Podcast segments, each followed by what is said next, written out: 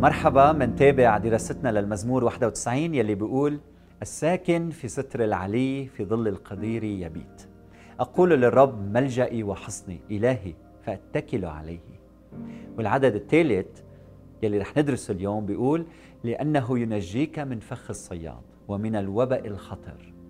والوباء كلمة في الأصل ممكن تعني وباء أو أي شيء يدمر وممكن أن يؤذينا. فأمامنا لغة مجازية تشجع كل من يضع ثقته بالرب بأن الله قادر أن يخلصك ويحميك من فخ الصياد. يعني من الأعداء من تهديدات البشر من مؤامرات الناس ضدك لأنه عين الرب سهران عليك وترى كل ما يجري من حولك. وأيضا بيحميك من الكوارث الطبيعية المفاجئة والمدمرة. ولأنه كلمة وباء بتحمل معنى واسع جدا يمكن أن تتضمن كل ما يدمر وباء الخطية وباء الظلم وباء القتل وباء العنف وباء اشتهاء ما للآخر وباء اللامبالاة حتى الله بنجينا منها جميعا فنسأل هل الله يوقعنا في فخ الصياد؟ يعني هل الله يسبب المؤامرات البشرية ضدك؟ أو هل الله يسبب الكوارث الطبيعية ضدك؟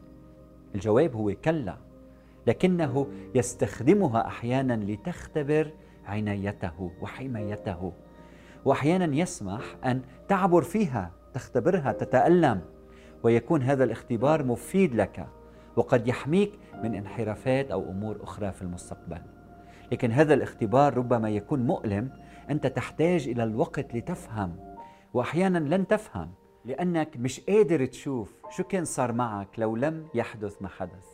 فتجد جوابا لسؤالك عندما تلتقي به وجها لوجه وتفهم كل شيء. تسألنا الناس أحيانا هل الوباء من الله؟ هل الكورونا من الله؟ فبدل ما تفكر بهذه الطريقة رح ساعدك تفكر بطريقة مختلفة. الله في طبيعته صالح يعني هو مصدر الصلاح.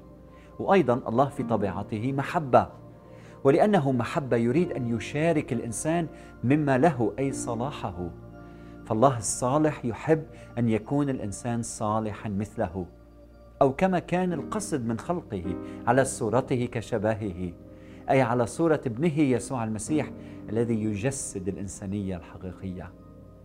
هنا أتكلم عن صلاح الله الذي يصلح الآخرين لأنه محبة. وما عم بتكلم عن المحبة الخادعة يلي بنطلبها لغيرنا أو لنفوسنا أحيانا. بدي أكون فرحان وسعيد الآن وشاعر بالراحة ومعي مصاري كثير بدي إنه كل شيء أطلبه يصير لأنه ربما هيدي الأمور التي نطلبها لا تجعل منا أشخاص صالحين بحسب قصد الله نحو الإنسان.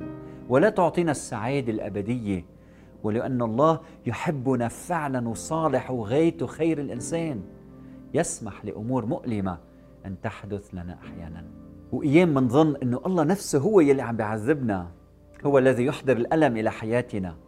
رجعت بنتي من المدرسة وقد دخلت نثرة خشب في إصبعها فأمسكتها بعد أن حميت إبرة على النار ورحت أنزع النثرة من إصبعها. وكانت عم بتولول بالبكاء وقالت لي خلص بابا ما بقى أتحمل عم بتوجعني زيادة. كان ممكن أعطيها حبتين بنادول وأهملها وتفرح لحين لكن بعد شوي يتردى وضعها يلتهب إصبعها وتتأذى في المستقبل. فألم الحاضر كان مهم لصحتها في المستقبل. فليس كل من يسبب لك الألم لا يحبك. إذا حدا مؤمن وبحب الرب وأصيب بالوباء هذا ما بيعني بالضرورة إنه الله عم بيعاقبه. ربما لأن الله يحبه اصيب بالوباء ليحقق دعوته بين الناس. أو ليكون سبب تعزية للآخرين أو ليحقق مشيئة الله بطريقة أو بأخرى أو لكي يقترب من الله. ولكن نحن كبشر لا نقدر أن نفهم أفكار الله وخطته. أهم شيء تعرف إنه إن كان الله لا يريدك أن تصاب بالفيروس لو اجتمعت كل فيروسات العالم ضدك تهزم أمام من له الكلمة الأخيرة. اليوم بنتعلم إنه لدينا إله ينجينا من مؤامرات الناس والكوارث الطبيعية. ولازم تعرف إنه لا أحد أقوى من إلهك الذي هو حصنك وملجأك. فعش بسلام وأمان. وهلأ بدي صلي من أجلك وبدي أقول يا رب أضع أولادك مشاهدينا بين يديك. اليوم نستريح لأن لنا كل الثقة واليقين أنك تخلصنا تنقذنا تحررنا من مخاوفنا. وتعطينا الأمان لأنك ما زلت على العرش. آمين.